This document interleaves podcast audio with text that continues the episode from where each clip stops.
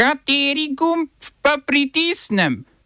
Tisti, na katerem piše OF. Slovenska demokratska stranka v interpelacijo pravosodne ministrice Švarc Pipan. Izenačitev standardov za sosežigalnice in sežigalnice odpadkov v omiljeni različici prestala glasovanje na parlamentarnem odboru. Vlada in Fides brez dogovora, zdravniki nadaljujejo stavko.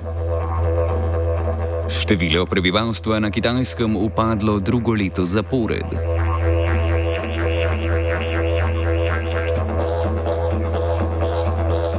Poslanci parlamentarnega odbora za infrastrukturo so soglasno podprli predlog novele zakona o varstvu okolja in priložene amandmaje.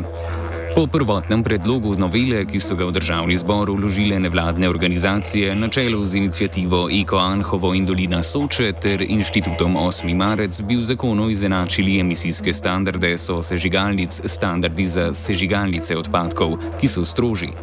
Po sprejetih dopolnilih bo novela vladi naložila naj področje uredi v podzakonskih aktih. Ko bo, no, bo do novelo sprejel državni zbor, bo morala vlada za naprave za sosežig določiti vsaj tako stroge mejne vrednosti emisij, kot so določene v zaključkih o najboljših razpoložljivih tehnologijah za sežig odpadkov. So pa po ločenem dopolnilu iz predloga novele črtali uvedbo nove okoljske dajatve. V primeru, da bi sprejeli prvotno predlagano novelo, so v Salonitu Anhovo, zdaj znanem pod imenom Alpacem, grozili z, tudi z vse.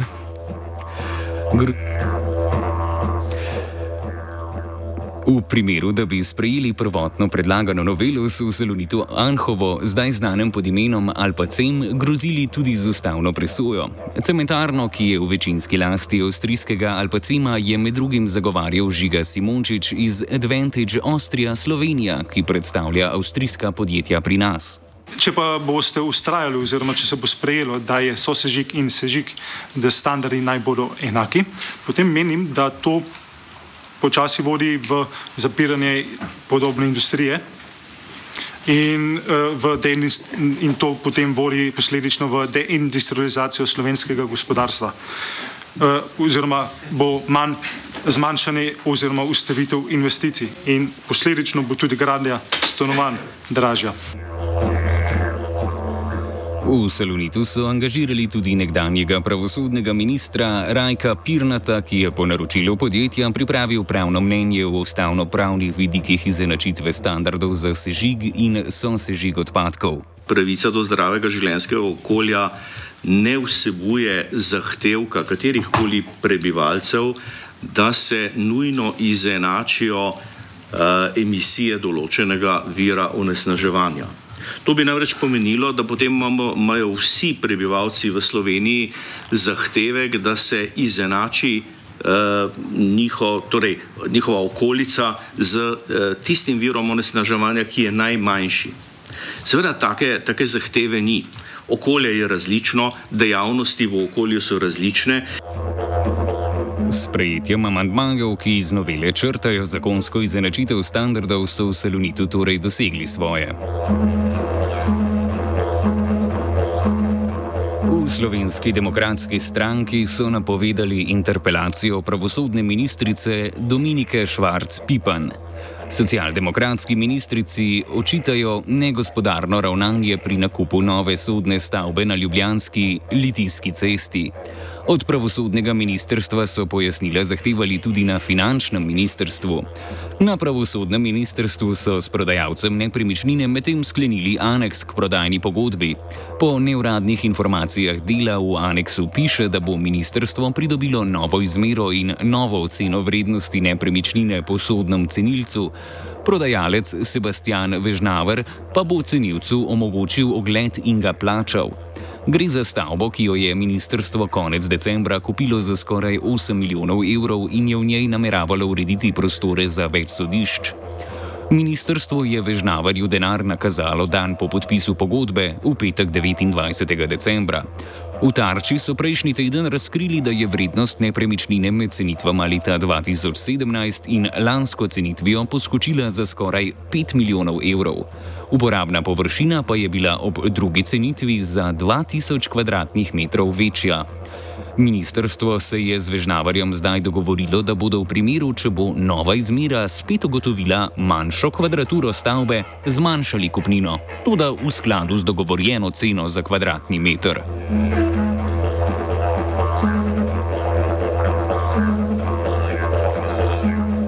Na Ministrstvu za notranje zadeve so organizirali javni posvet o strategiji vlade na področju priseljevanja, k sprejemu katere so se stranke vladne koalicije zavizale v koalicijski pogodbi. Na notranjem ministrstvu so osnutek nove strategije že pripravili, vlada končne verzije še ni sprejela. Na posvetu med drugim razpravljajo o zunanjih vidikih migracij, o zaščiti življenja in dostojanstva migrantov ter varnostnih vidikih. Katja Utroša iz Infokolpe, ki se je posveta udeležila, povdarja pomen razprave o uvedbi novih načinov za pridobitev dovoljenja za prebivanje.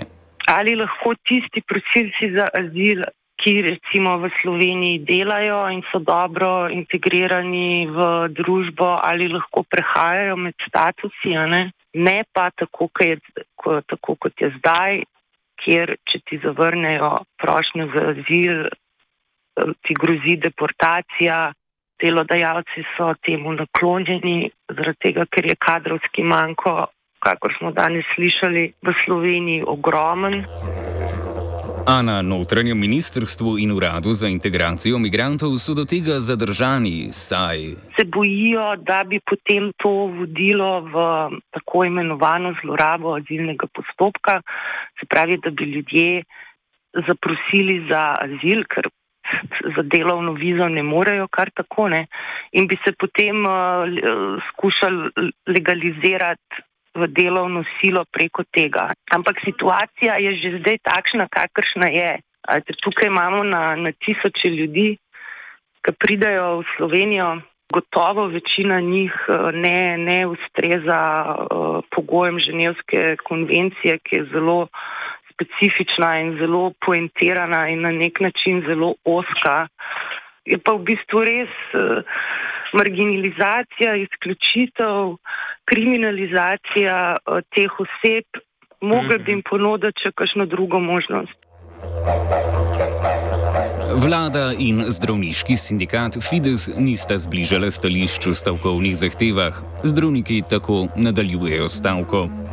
Bolnišnice poročajo o odpovedovanju in prenaročanju nenujnih zdravstvenih storitev. V zdravstvenih domovih je pacijentom otežen dostop do zdravnikov preko spleta in telefona. Ponekod ne upravljajo niti administrativnih storitev, naprimer ne izdajajo bolniških listov. Zobozdravniki kot možnost za ustrovanje stavke navajajo odpravo komunikacije s pacijenti po telefonu na način, da bi bil mogoč le osebni obisk. Stavki so se pridružili tudi zdravniki na Nacionalnem inštitutu za javno zdravje. Vlada ustraja pri izpolnitvi zdravniških zahtev v okviru reforme plačnega sistema javnega sektorja. Zdravniki zahtevajo spoštovanje sklenjenih sporazumov, ki bi pomenili zdvig zdravniških plač, poleg tega pa dodatno povišico za starejše zdravnike. Po neuradnih informacijah televizije Slovenija v Fidesu zahtevajo dvig plač najstarejših zdravnikov za sedem plačnih razredov, torej povišico med 1600 in 1800 evri bruto.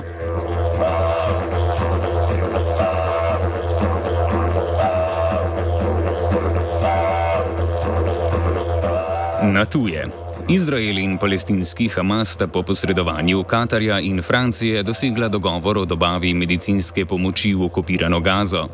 Po dogovoru je Izrael dovolil dostavo zdravil, ki jih je nabavila Francija, v Gazo. V zameno bodo v Hamasu del zdravil namenili talcem, ki so jih zajeli 7. oktober. Izraelska vojska genocidne ofenzive, v kateri je v Gazi pobila prek 24 tisoč ljudi, kljub pogajanjem ne ustavlja.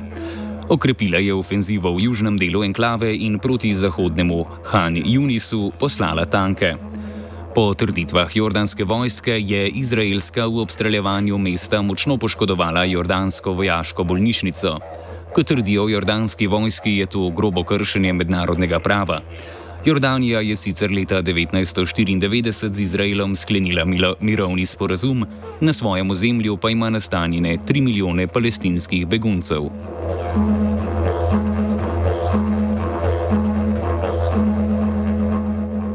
Kitajski statistični urad je sporočil, da se je število prebivalcev zmanjšalo že drugo leto zapored. V letu 2023 je število prebivalstva na Kitajskem upadlo za več kot 2 milijona, leto predtem za 850 tisoč ljudi. Številčnost populacije na Kitajskem se predtem ni znižala od leta 1961. Med razlogi za padanje rodnosti je še zmeraj politika enega otroka, ki je veljala med letoma 1980 in 2015. Poleg tega je rodnost nižja zaradi urne in obsežne urbanizacije ter preseljevanja ljudi iz ruralnih območij na gospodarsko razvit vzhod države. Prejšnje poletje je kitajski statistični urad nehal poročati o stopni brezposelnosti med mladimi.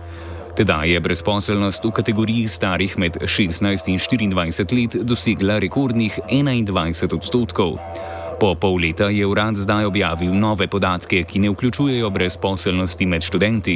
Brezposelnih mladih je po novih podatkih skoraj 15 odstotkov. Kitajska je v minulem letu dosegla gospodarsko rast v višini 5,2 odstotka.